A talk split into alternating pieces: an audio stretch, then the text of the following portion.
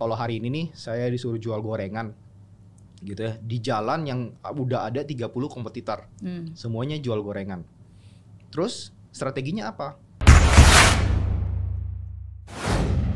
Freddy Darmawan. Hey, Yeay. Ini susah banget sih sebenarnya untuk dapetin seorang Freddy bisa hadir di sini, muncul di depan kamera dan sharing karena biasanya orang belakang layar hitung-hitungan, numbers, angka. hitung-hitungan betul Iya, jarang ya tampil di depan ya dan karena memang prefer lebih lebih suka di belakang layar daripada di depan layar. selama mungkin di belakang nggak usah maju sama sekali Oke, founder dan CEO dari Enlight Consulting. Iya. Oke, mungkin bisa dijelaskan dulu dua tiga kalimat Enlight Consulting itu apa? Oke, and like consulting. Um, actually we are a CFO services company, Hmm. tuh uh, supporting business owners yang biasanya suka menyerang. Oh, Iya. business owners yang biasa suka menyerang. Iya, maunya di depan cetak gol gitu. Oke. ya. Terus yang di belakang lupa. Iya. Nah, kita um, merasa we need to help untuk jagain belakang gitu. Ah. So that's why the industry yang kita lakukan adalah untuk jagain um, the business owners. Hmm. Uh, more on that sih ya. Um, so tapi we are data driven. Hmm. gitu jadi as, at the end of the day kita masuk ke financial Oke, ya. itu sih ya Karena itu yang menjadi apa ya darah dan daging dari sebuah Darah perusahaan. betul. Very crucial ya. Yes. Iya. Tapi kalau kita mundur sedikit nih backgroundnya dari seorang Freddy, Mhm. kan eh, setahu saya kuliahnya nggak ngambil dunia finance dan accounting kan? Yep, betul. Lulus sebagai Uh, sarjana teknik elektro Yeay, sama, Sama, yeah. sama-sama tukang listrik, teknik Iya, tukang elektro, listrik. pindah ke finance, iya, nyasar nyasar. Em, Sebenarnya cita-cita waktu kecil apa sih masih inget nggak? Ah, actually enggak sih ya waktu kecil um, I don't really have a dream Mhm. ya jadi ya life goes on jalan aja Hmm. um, uh, normal family in Indonesia kali ya Tapi kenapa eh, kuliahnya teknik elektro? oh kalau kuliah yang teknik elektro jadi pas lulus SMA itu sekitar tahun 2000 Mhm. Nah, at that moment telekomunikasi lagi booming. Itu Hmm. mungkin awal-awal kita baru punya handphone lah, Iya. gitu kan. Nah, em, teknik elektro itu eh, cikal bakalnya bisa masuk ke telekomunikasi. Iya. So I think that um, the industry will will will booming. Hmm. Jadi I've decided masuk ke teknik elektro. Oke, Singkatnya gitu. oke. ya berarti waktu itu belajar ini dong frekuensi, Smith chart. Yes, em, belajar kira-kira seperti itu. Iya. Tapi actually serius kuliahnya cuma satu semester sih. Oh gitu. Sisanya Sisanya banyak kan main game. banyak kan main game. Oke, ya. Tapi akhirnya em, kapan mulai berpindah jalur? Kapan mulai berpindah jalur? Hmm. Waduh. Sebenarnya lulus itu, lulus kuliah tuh 2006. Hmm. Nah, eh, pas lulus kuliah pun sudah pindah jalur. Hmm. Jadi I help my my brother di his company more on mechanical, jadi spare part pabrik Oke. gitu. Jadi lebih banyak ngurusin torsi, ngurusin mesin. Hmm. Sampai 2013 is my turning point yang mulai masuk ke industri the finance lah gitu. Oke, berarti setelah lulus kuliah waktu itu bekerja di uh, perusahaan keluarga berarti ya bareng-bareng sama kakak. Betul. Oke, tapi ngurusinnya masih belum hubungan dengan finance waktu itu lebih ke apa uh, Um, operations. lebih ke operations lah ya, operation, sales, macam-macam sih sebenarnya kayak actually it's a family business jadi I help everything. gitu. CEO ya, Chief Everything Chief Officer. everything officer. Tujuh tahun di sana. Tujuh tahun, yes. Hmm, Oke. Dan what makes the change? Apa yang akhirnya What berubah? makes the change? Um, actually di 2013 awal um, ada inilah ya financial urge Hmm. kayak butuh uh, more income and then I also see that um, it is uh, perusahaan keluarga yang punya koko yang kalaupun iya turun ke anaknya Hmm. gitu Um, siapa gua ceritanya gitu kan so yuk let's let's start to stand by our own feet lah gitu jadi that's the starting turning point di 2013 dan kebetulan ada financial need yang kita perlu fulfill Hmm. gitu. So um, the turning point terjadi di 2013 itu di mid year lah Hmm. I can say Hmm. gitu. Oke. Hmm. Uh, financial needs apa yang sebegitu besarnya sampai harus difulfill? Karena saya yakin ketika udah bekerja tujuh tahun pasti harusnya apalagi di perusahaan keluarga harusnya dapatnya nggak nggak nggak kecil-kecil amat dong. Hmm. Mm-mm. Um, kan kata orang gitu ya. um, actually pada saat itu um, aku su- sudah menikah itu 2008, Mhm. tapi belum dikaruniai anak lah Mhm. gitu. Um, sampai 2013 itu um, aku sama istri itu decided untuk ya udah deh istri di rumah aja untuk uh, fokus uh, kita try try untuk punya anak Hmm. karena memang sempat dibilang nggak bisa punya anak lah gitu Hmm. kita dua tahun dua kali keguguran Em, di saat itu eh, income istriku tuh lebih besar Hmm. gitu kalau ditanya tadi bilang ya eh, income di perusahaan keluarga em, gajiku sendiri itu nggak double digit Hmm. just a single digit gitu and then we need untuk hidup sendiri tinggal di Hmm. apartemen em, ya nggak bisa lah ya cukup Hmm. So uh, that that point lah mulai mulai nyari gitu mau ngapain sih? Uh, cuman memang sempat diajarin beberapa waktu sebelumnya mau ngapain itu kebetulan ini ya di crossroad Ya. tanggung sekalian aja cari tahu what am I good at Oke. gitu what am I good at Um, daripada cuman sekedar nyari opportunity tapi Hmm. um, not my thing Setuju. gitu. Hmm. Jadi di apartemen ada papan tulis, memang suka nulis ya. Em, terus sama istri bener-bener coba cari tahu what am I good at gitu Hmm. ya. Kita cari the keyword, Em, keyword yang sering muncul itu numbers Hmm. gitu. Tapi em, kita coba dig deeper what is eh, apa sih behind that numbers gitu. Hmm. Em, munculnya logic. Hmm. Nah, logic is um, sesuatu yang I'm good at lah gitu ya. Hmm. Kebetulan ya number salah satu turunannya aja. Terus, oke, udah dapat nih logic numbers. Terus mau ngapain Iya. gitu? Em, di beberapa tahun sebelumnya sempat bantuin di perusahaan keluarga untuk beresin the finance accounting Oke. gitu. Diminta untuk bantu beresin, ya udah beli buku akuntansi SMA, belajar, and then ya udah deh ini simple nih bisa gitu kan. Nah kebetulan adalah sedikit skillnya ya kan. Iya. Dan buatku is of simple lah ya accounting itu. Betul. Karena again kan numbers tapi harus as asalan logiknya jalan sebenarnya ya apa pun juga bisa di-apply kan. Betul. Hmm. As long as you understand the very fundamental things. Understand, betul. Ya udah, kita coba deh ke situ. Nah, itu sekitar bulan Agustus Hmm. 2013. Hmm. Di September 2013, um, aku sama istriku kita decided untuk make a proposal Hmm. Ke satu small firm. Eh, uh, kita propose untuk boleh nggak gue jadi partner Oke. gitu ya. Nggak ngerti accounting, sombong mintanya jadi partner gitu ya, bukan minta kerja. Tapi emang kenal. Uh, kenal, Oke. kenal, betul. Um, and then uh, di one of the proposal adalah I propose untuk kerja ke dia selama tiga bulan gak digaji Hmm. gitu. Kalau enggak kan nggak proven ya Ya. gitu. So ya udah Oktober, November, Desember kerja nggak digaji um, untuk kasih lihat uh, whether I am partner criteria or not Hmm. gitu. Ya udah selesai uh, di at the end of the December, eh ternyata dia decided untuk nggak nerusin the firm. Oh, gitu. oke. Karena dia Nggak mau lanjut perusahaannya. betul, dia mau do something else. Mhm. Aku juga nggak take over the firm, and then um, aku create, decided untuk bikin baru aja, Hmm. create my new. Um, itu kan udah 2014 kan. So ya di situlah 2014 ada namanya Enlight Consulting. Oke. Gitu. Wow. Itu berarti lewat journey yang berliku-liku Hmm.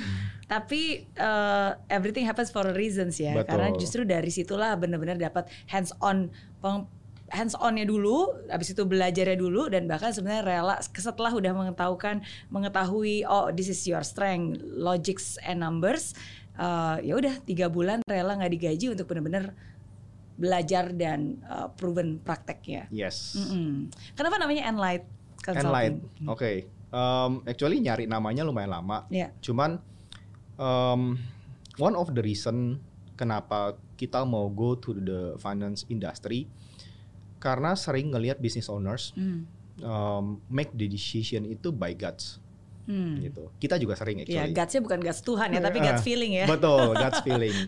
Um, sampai hari ini pun banyak orang still doing that. Hmm. Uh, me personally juga ada saatnya kita udah tahu nih, kita udah tahu what to do walaupun um, nggak jelas. Hmm. Just trust your feeling, just trust your gut.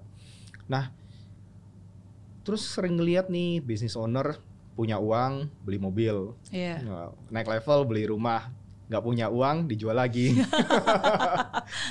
nah, and then bertanya-tanya kenapa ya gitu, Hmm. why why did they do that? Memang um, kebetulan punya ya beli gitu. Cuman apa yang kita bisa lakukan untuk uh, make the decision making process Hmm. better Hmm. gitu. Ya berarti ada sesuatu yang mereka harus tahu. Hmm. And then cari tahu, oh berarti sebenarnya finance itu adalah satu hal yang terdekat untuk knowing your company's condition Hmm. Gitu. Nah itu salah satu kita masuknya ke sana. Nah kenapa Enlight adalah we want them to understand. Hmm. Cukup lihat, eh lu sekarang tuh lagi di sini. Oke. Nah ibaratnya contoh nih, um, aku minta Mary naik ke lantai 25 Ya. gitu. Mary ke lantai 25 ya, tapi nggak kasih tahu Mary sekarang di lantai berapa. Ya.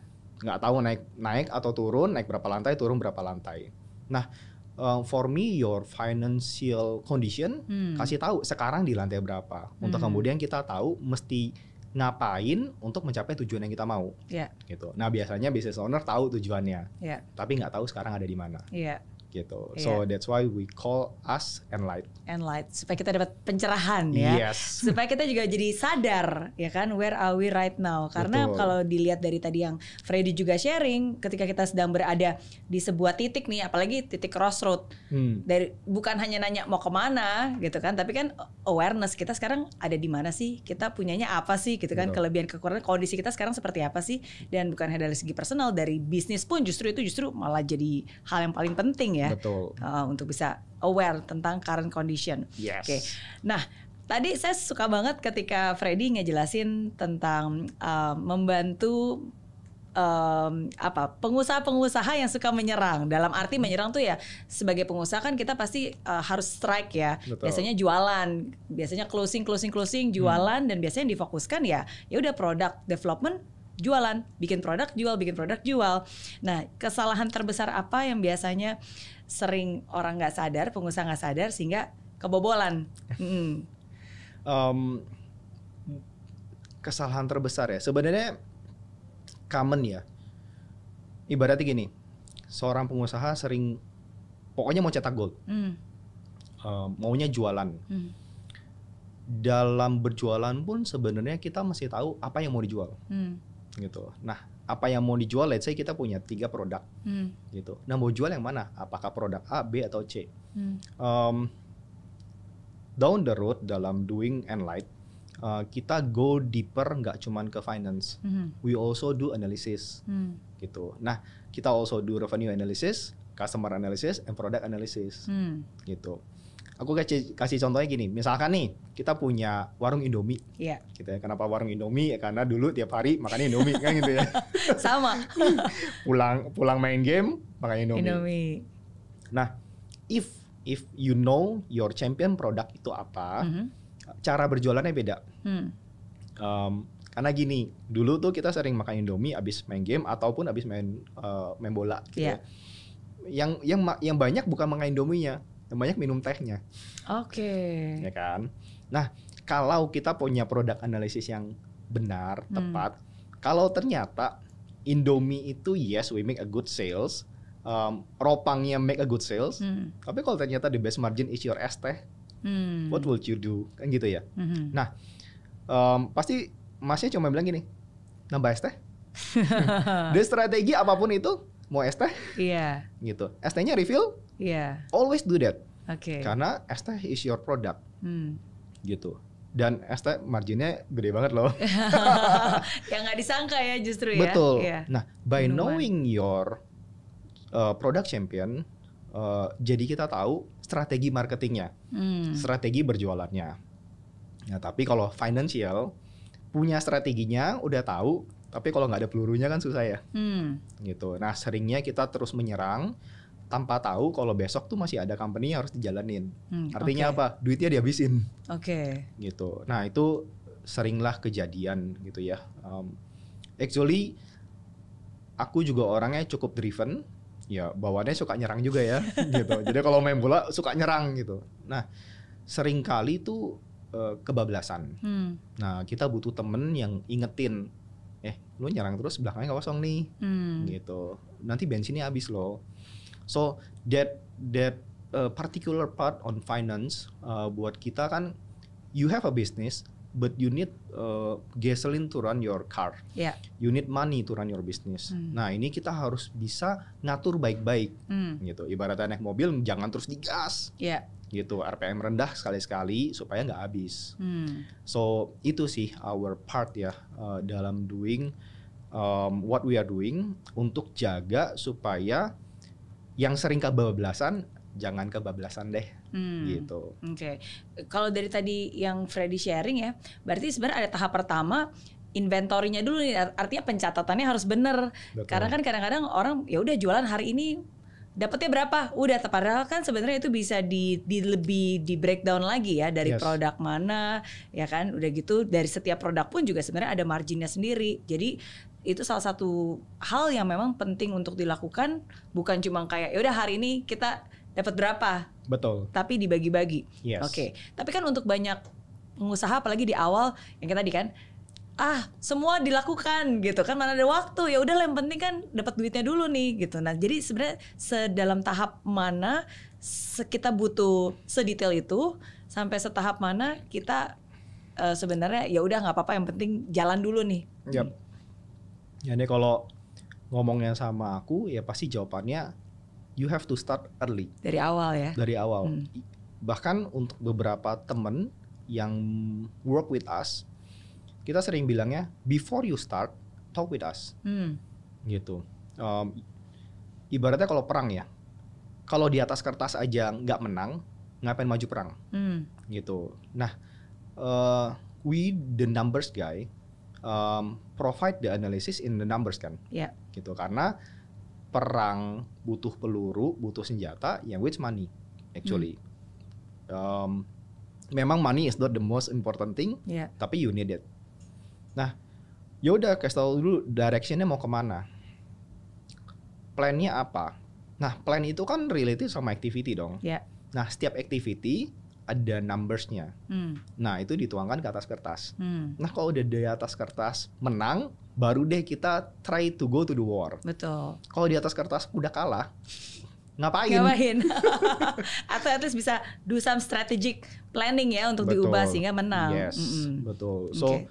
um, we replan Yeah. sampai benar-benar ini make sense. Nah, kalau memang ternyata you want to go to a big war, ternyata money-nya kurang, Hmm. baru kita dibilang fundraising. Hmm. Nah, kan banyak orang bilang mau fundraising buat apa? buat apa Itu Iya, iya, sih. iya. So um, um, start early, betul start early. Ya memang, um, especially when you don't know what you don't know ya, Iya. gitu. Iya. Ya, it's not my thing. Ya udah, uh, try to seek some help. Kalau Hmm. nggak ada budget, uh, ya I think we become the CEO, Chief Everything Hmm. Officer. Ya Hmm. udah belajar to understand, baru go to the war, Hmm. gitu. Oke, ya itu saya setuju banget. Jadi lebih baik kita eh, apa berkeringat berkeringat ketika lagi latihan daripada berdarah-darah nanti ketika perang kan tanpa Betul. perencanaan dan detail. Kalau misalnya di dalam kertas aja udah kalah dan belum bisa ada profitnya dan memang nggak nutup, ya do something gitu sebelum benar-benar mulai. Yes, Mhm. um, especially ya, especially kalau when I start and light, Mhm. karena um, di 2014 itu kebetulan kan udah ada satu anak dong, Mhm. udah ada tanggungan Mhm. gitu. Jadi at that moment what I feel adalah nggak bisa nggak sukses Ya, gitu. Karena kalau gagal resikonya bukan uh, gua nggak bisa makan, tapi anak istri gua nggak makan Hmm. gitu. Jadi uh, there's no reason to fall, there's no reason to fail. Hmm. Mau jadi benar-benar harus uh, do a better planning. Hmm. Nah, mungkin kalau punya buffer untuk boleh gagal ya silakan deh. Oke, iya iya.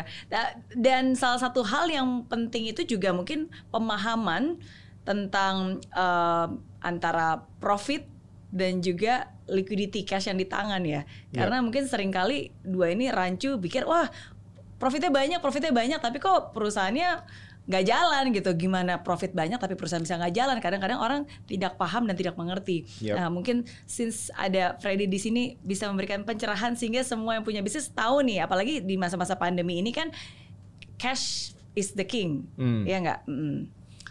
Ya memang profit sama cash is two different things. Mhm.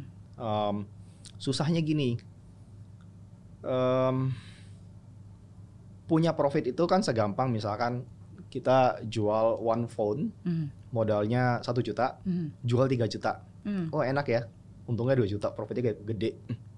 Nah, tapi kan pada kenyataan kalau cashnya langsung dapat enak. Ya, Wah, jualan Mary beli satu 3 juta masuk kantong. ya, Besok belinya handphonenya tiga dong, bisa Iya. jual tiga. ya, Terus kayak gitu. Lama-lama gede, terus ke, kerjasamanya sama corporate. ya. Belinya 100, wih asik. Tapi ngutang ya, Bayarnya nanti. bayaran nanti. Iya. Um, again, um, dalam kita run our company, um, operations itu something yang harus diperhatikan. Hmm. Darah kan gitu ya. Making profit is one thing, making money is another thing. Hmm. Untuk making profit ada strateginya sendiri. Hmm. Untuk maki- making money ada strateginya lagi sendiri Hmm. gitu. Paling gampang adalah kalau kita ngelihat zaman dulu nih orang jualan di toko Hmm. atau jualan whatever yang eh, profit sama cash itu berbarengan. Hmm. Contohnya restoran. Hmm. Ya profit sama cash masuk bareng Oke. gitu. Nah, jualan apa pun ya pokoknya nggak ada utang-utangan. Iya, karena langsung lah ya, Langsung. transaksi langsung tukeran It's situ. very easy. Nah, tapi kan nowadays udah mulai beda. Hmm. Um, subscribe aja kan sekarang udah bayarnya setahun di depan Oke. gitu. Iya. Nge-gym aja bayar setahun di depan. Untuk dapat apa? Bayar 9 bulan, diskon 3 bulan biasanya gitu ya. Iya, So it's a cash flow game iya. gitu. Not a profit game. Hmm. Dia sacrifice their profit untuk make a cash flow In advance ya. in advance. Hmm. Ada nggak orang yang nggak sacrifice profit untuk dapat cash flow? Ada. Hmm. Boleh sebut brand nggak ya di sini Bo- ya? boleh. ya. Contoh Starbucks ya. Oke. Starbucks Starbucks card. Aku tadi pagi baru top up. Dia nggak sacrifice profit, tapi dapat uang di depan. Nah Hmm. itu cash flow game Oke. gitu. Let's say Amazon. Amazon itu jualan barang orang, Hmm. dapat duit di depan. Tapi dia bayar yang punya barang 6 bulan kemudian. Hmm. Oh, Enak juga ya punya Amazon ya. Oke. Those kind of things um, yang kita mesti ngerti how to leverage and what to leverage. Hmm. If you have a big money and then you have the leverage of money dong. Nah, you can play the profit game Hmm.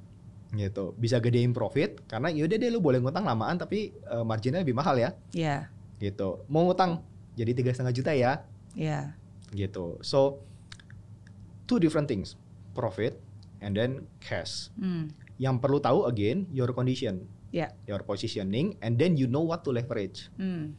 Um, mungkin the bahasanya agak rempong ya, cuman um, mengerti dulu your condition. Hmm. Seperti yang aku tadi bilang, lu di lantai berapa sekarang? Ya. Setelah mengerti itu, baru tahu mau main gamenya apa. Hmm.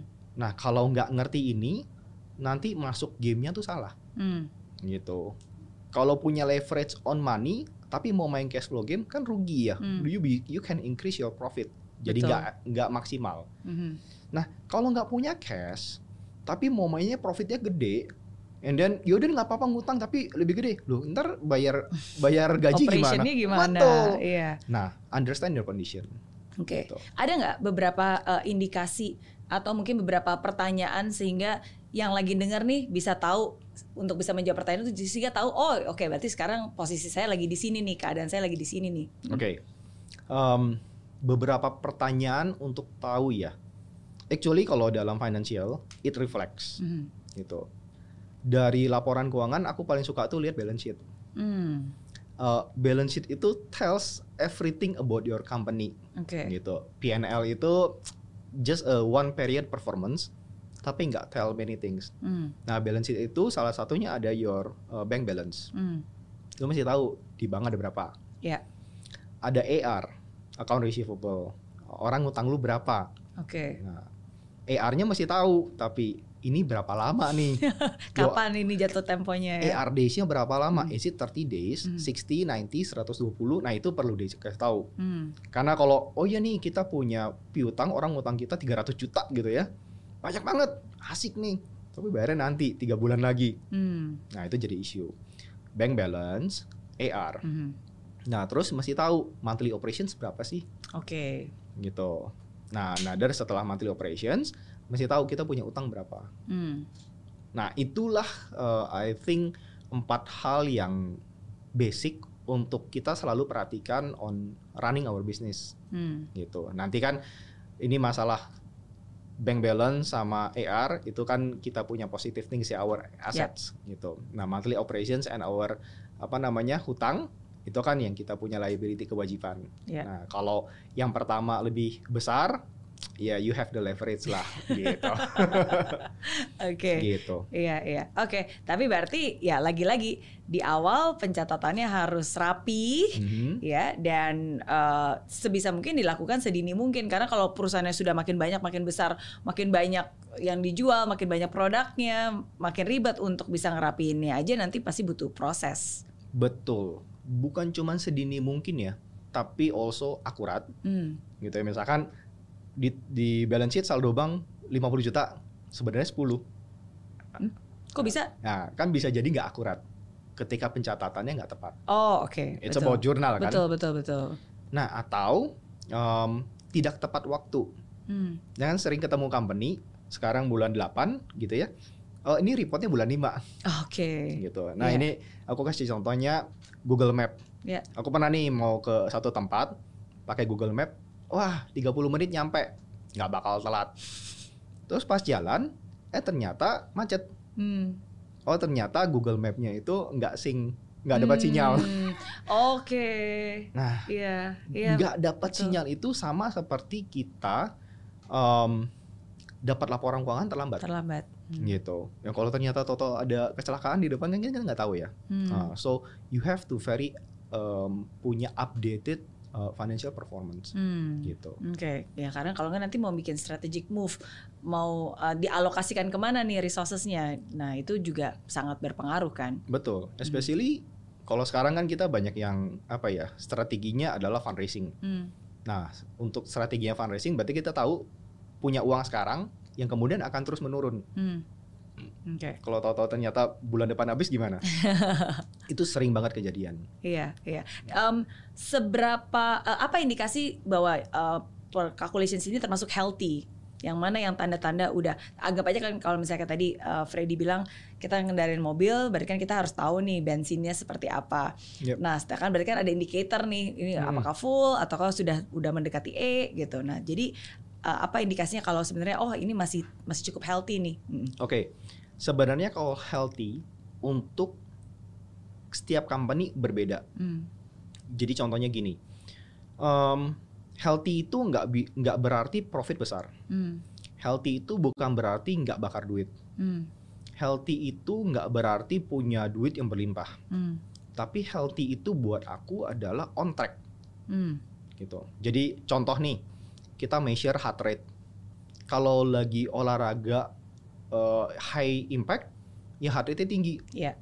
Terus apakah dibilang orang ini nggak sehat Ya, gitu? nggak juga karena kan memang lagi lagi exercise kan. Betul. Hmm. Nah, mesti ngerti kondisinya lagi apa. Hmm. Um, ibaratnya kalau hari ini nih saya disuruh jual gorengan gitu ya di jalan yang udah ada 30 kompetitor Hmm. semuanya jual gorengan terus strateginya apa nah, saya pede lah ya Hmm. gorengannya enak gitu ini saya yaudah deh hari ini saya bikin 300 300 300 ya gratis Oke, wow. Buat promo di awal ya. Promo di awal. Hmm. kalau kita cuma measure hari itu berarti kan the company is lost Hmm. gitu apakah itu healthy Hmm. gitu tapi kan kita mesti ngelihat periode waktu Hmm. gitu. Siapa tahu besok kita masih melakukan, wah ini mah udah nggak usah diinvest deh, Ya. gitu ya. The business is making loss terus. Tapi kita nggak tahu bulan depan yang semua orang jadi ini bakwan terenak misalkan, Oke. gitu. Nah, strategi menentukan um, planning. planning kemudian diterjemahkan ke numbers. Hmm. Nah, numbers ini ada periode waktu yang kemudian kita ketika realisasi di track apakah on track dengan our projection.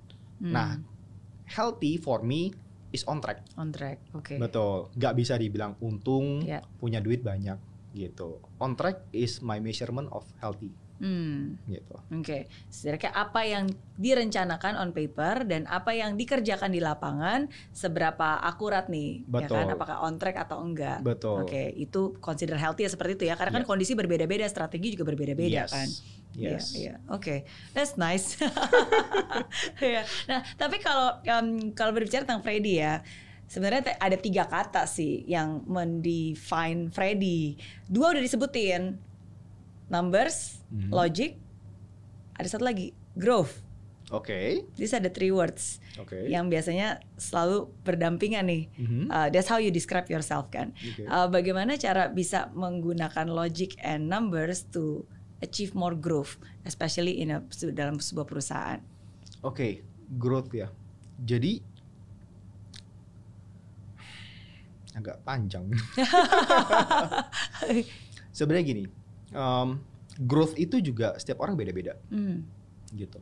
Kalau orang punya masih hidup, pasti punya tendensi mau lebih baik Hmm. gitu. Kalau yang enggak tuh kayaknya sakit gitu ya. Hmm.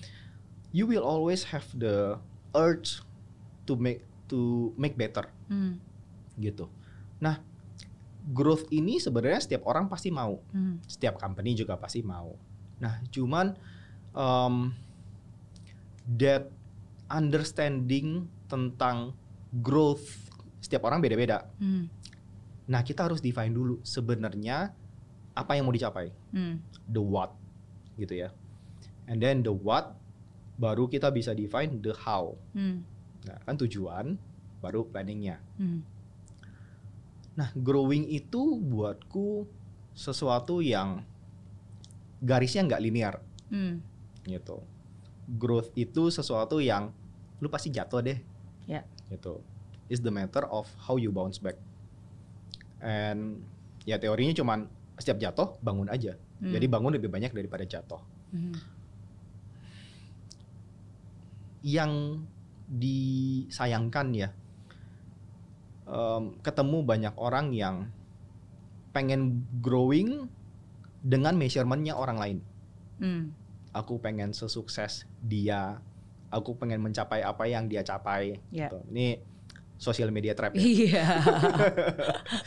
gitu. So define dulu sebenarnya your positioning, Ya. who you are, define what you want to achieve, Ya. and then make your plan and projection dong, Betul. and then try to achieve Betul. gitu. Nah memang kan nggak linear, Hmm. garisnya nggak lurus, pasti ada jatuhnya. That is when you learn or you pivot Hmm. gitu. Nah growing itu something yang perlu diusahakan Hmm. gitu. Yang apa ya? Kan orang bilang ya menjadi tua itu pasti kan. Tapi menjadi dewasa itu Betul, keputusan ya. betul. Iya. Nah bertumbuh itu juga sama. Hmm. It's your decision to make better. Hmm. gitu. Jangan pernah merasa puas dengan apa yang dipunya gitu kan.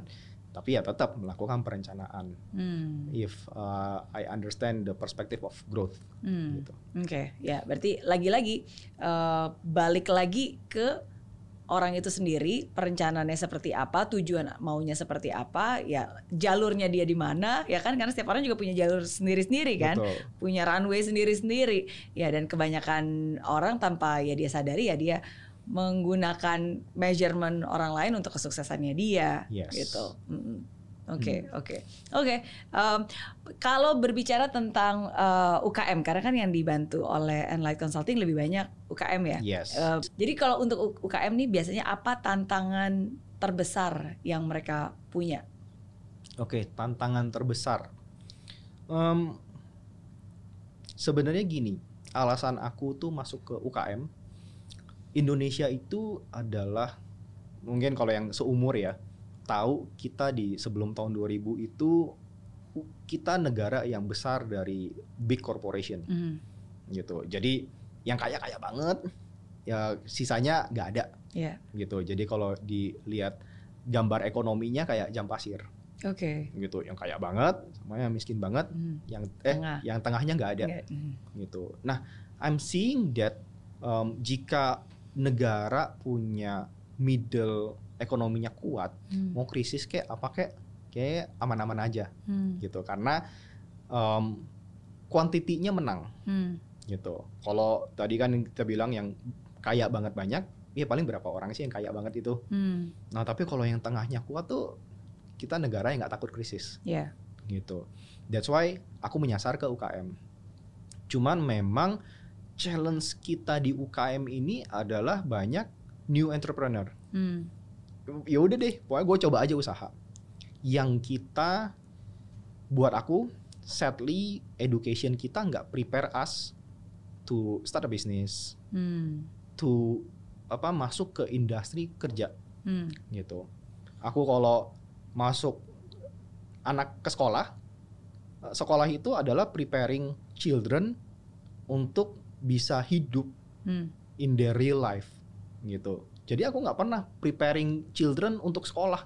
Hah, ngapain lo sekolah ya? Penting apa ya? Gitu. Iya. Em, karena sekolah itu membuat orang mengerti how to think, Ya. how to feel, how to react gitu ya.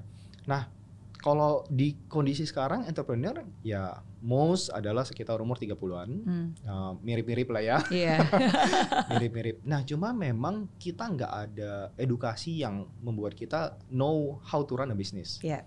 Gitu. Jadi ya tembak aja kayak j- mungkin zamannya orang tua kita. Iya. Just jalanin aja. Iya. Nah, ini membuat when I want to help eh directionnya nggak tahu. Hmm. Pokoknya mau kaya aja, Iya. mau make money aja. Nah, ketika kita as a CFO let's say Iya. want to support kan our measurement of healthy adalah on track. Iya. Nah, kalau nggak ada blueprintnya, how can I say you are on track? Betul. Gitu. Ditanya, boleh nggak I spend X amount to do marketing? Uh, do you have the budget? What? gitu. Nah, ini yang challenging banget Yeah. buat kita being supportive. Hmm. Gitu. Karena kita bukan orang nomor satu. Hmm. I submit to someone else Hmm. as the captain of the company Hmm. gitu. Jadi jangan suruh saya yang Fred, ini targetnya harus berapa? Maksud lo? Iya. Gitu. Hmm. We help to apa ya? Buat lu mencapai your dream. Betul. Jangan bikin gua yang bi- setting Iya. gitu lama-lama we are a CEO service company ya. gitu. So, I think itu ya um, the understanding fundamental of your positioning, your direction, Hmm. and then your plan. Hmm. Ini simpel kok kayak misalkan aku bilang, "Mer ke Bandung yuk." Iya. gitu. Oh, yuk kapan? Iya. Mau kapan sampai? Iya. That's matter dong. Iya. Tujuannya ada, kapannya ada. Mau naik apa? Mhm. Nah, kalau mau naik apa jadi meter nih. Kalau Betul. kapan sampainya? Kapan berangkat? Em, Budgetnya ben- berapa? Budgetnya berapa? Isi bensin enggak? Iya. Nih paginya kalau sama Freddy ntar ngajak makan terus gitu. Mau bawa siapa aja? Mau bawa ya siapa kan? aja. Nah, itu tuh simple Iya. banget. Sebenarnya kita sudah ngerti Hmm. untuk jalan-jalan aja kita bisa planning. Ini kan cuma analogi aja kalau company mau gimana Iya. gitu. It's the same sih Iya. gitu. Nah, itu yang buatku the most challenge yang sering ditemuin adalah uh, they don't know what they don't know. Hmm. Itu. Ya, eh, itu setuju banget dan eh, banyak juga sering kali orang yang kalau setiap kali habis seminar eh, ketika mendengarkan saya gitu sekarang kadang nanya, oh Miss Mary kalau gitu sekarang saya harus ngapain nih kasih tahu dong.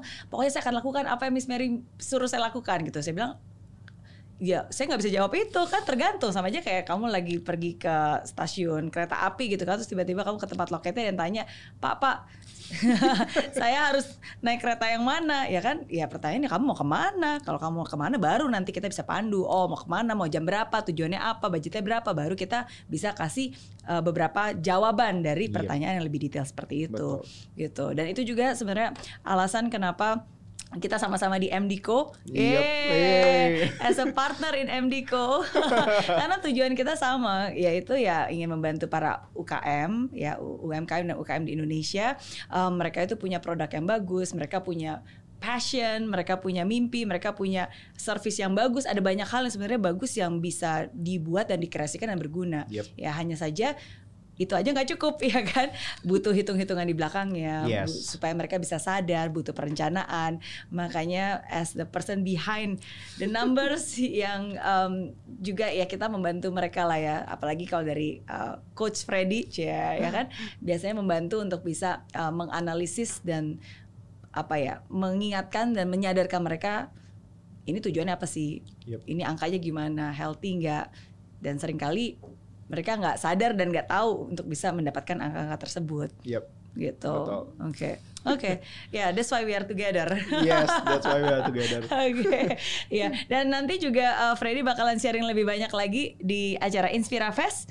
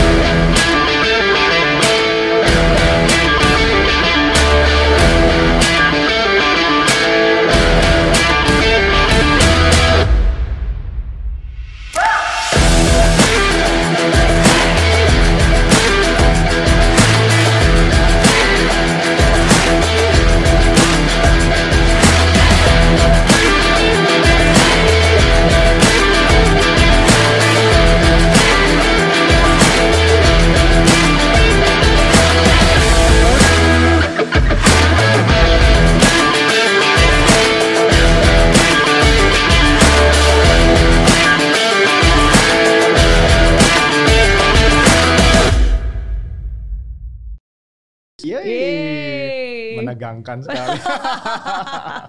Oke.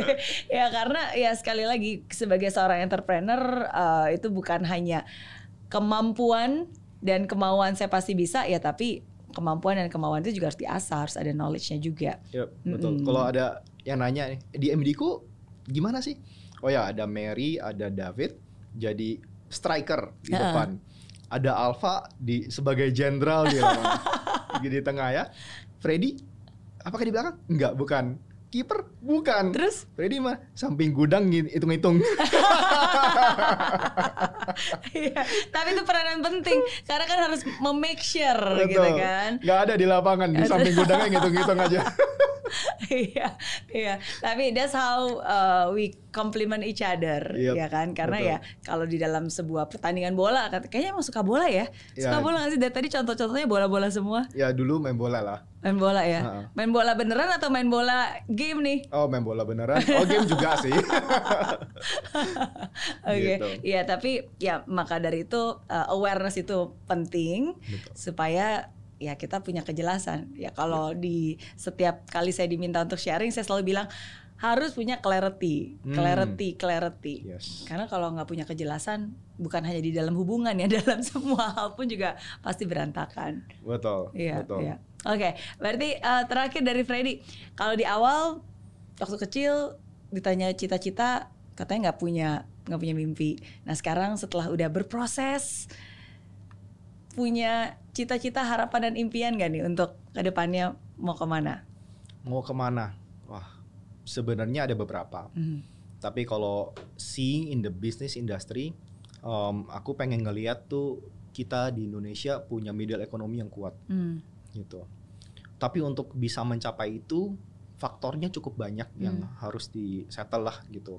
One of uh, why I uh, created Enlight supaya um, bisa support business owners mencapai apa yang dia mau capai gitu. Dengan itu hopefully growth-nya kelihatan. Hmm. By that kan ekonomi menengahnya jadi kuat Hmm. gitu. Itu satu.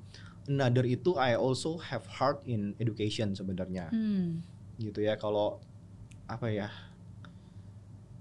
ya karena produk dari dulu sekolah nggak jelas Ya, sekolah ya sekolah aja ya Iya. Lu, eh, nggak tahu ya beda sama apa enggak cuman dulu ya kerjanya cuma nongkrong Hmm. gitu ketemu teman nongkrong kuliah juga eh, semester 1 mencoba bener semester 2 mulai udah deh main Hmm. game terus Em, tapi kalau dilihat at the end of the day banyak orang yang gagal sekolah tapi usahanya baik-baik saja Hmm. gitu begitu juga kebalikannya Hmm.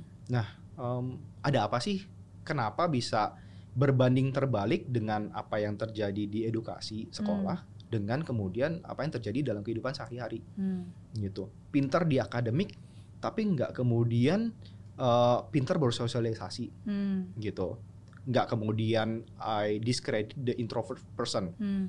Um, being introvert is you are comfortable being your own, Hmm. tapi tetap harus bisa komunikasi sama orang lain. Hmm. Nggak nggak usah nikah kan gitu ya.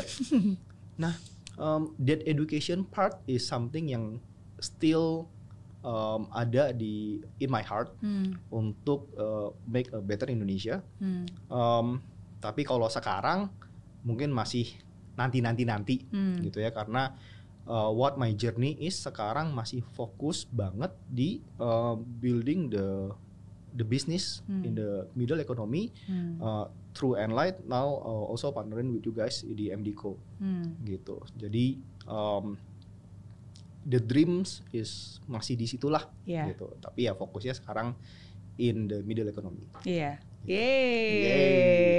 Sehati sebenarnya. Ada banyak eh, garis temu nih di antara kita. makanya kita berjalan bersama Berjalan bersama. Iya. Dan mungkin kita sama-sama eh, punya background yang sangat mirip ya. Jadi Oke. em, sama-sama teknik elektro, Mhm. eh, juga cem- sempat cempung ke finance gitu. Kalau saya sebentar, kalau eh, Freddy kan sekarang yang menjadi ini ya apa eh, passionnya juga gitu. Dan sekarang kita dipertemukan bersama-sama eh, di MDco. Jadi senang banget, thank you banget. Thank you. dan saya juga setuju, walaupun tadi banyak orang yang mungkin dia nggak sekolah tapi akhirnya bisa sukses, karena saya percaya walaupun dia nggak sekolah tapi dia tetap belajar. Yep, Hmm, dan belajar kan nggak hanya di sekolah. betul sekali Iya, jadi itulah yang kita lakukan di mana pun juga. Semoga apa yang dibagikan hari ini juga bisa menjadi pembelajaran berharga buat Amin. para uh, pebisnis-pebisnis. amin Sukses, sehat Yes. selalu buat uh, Freddy thank you thank you dan Same sampai ketemu di Inspira Fest. Yeay. Yeah. Thank you. thank you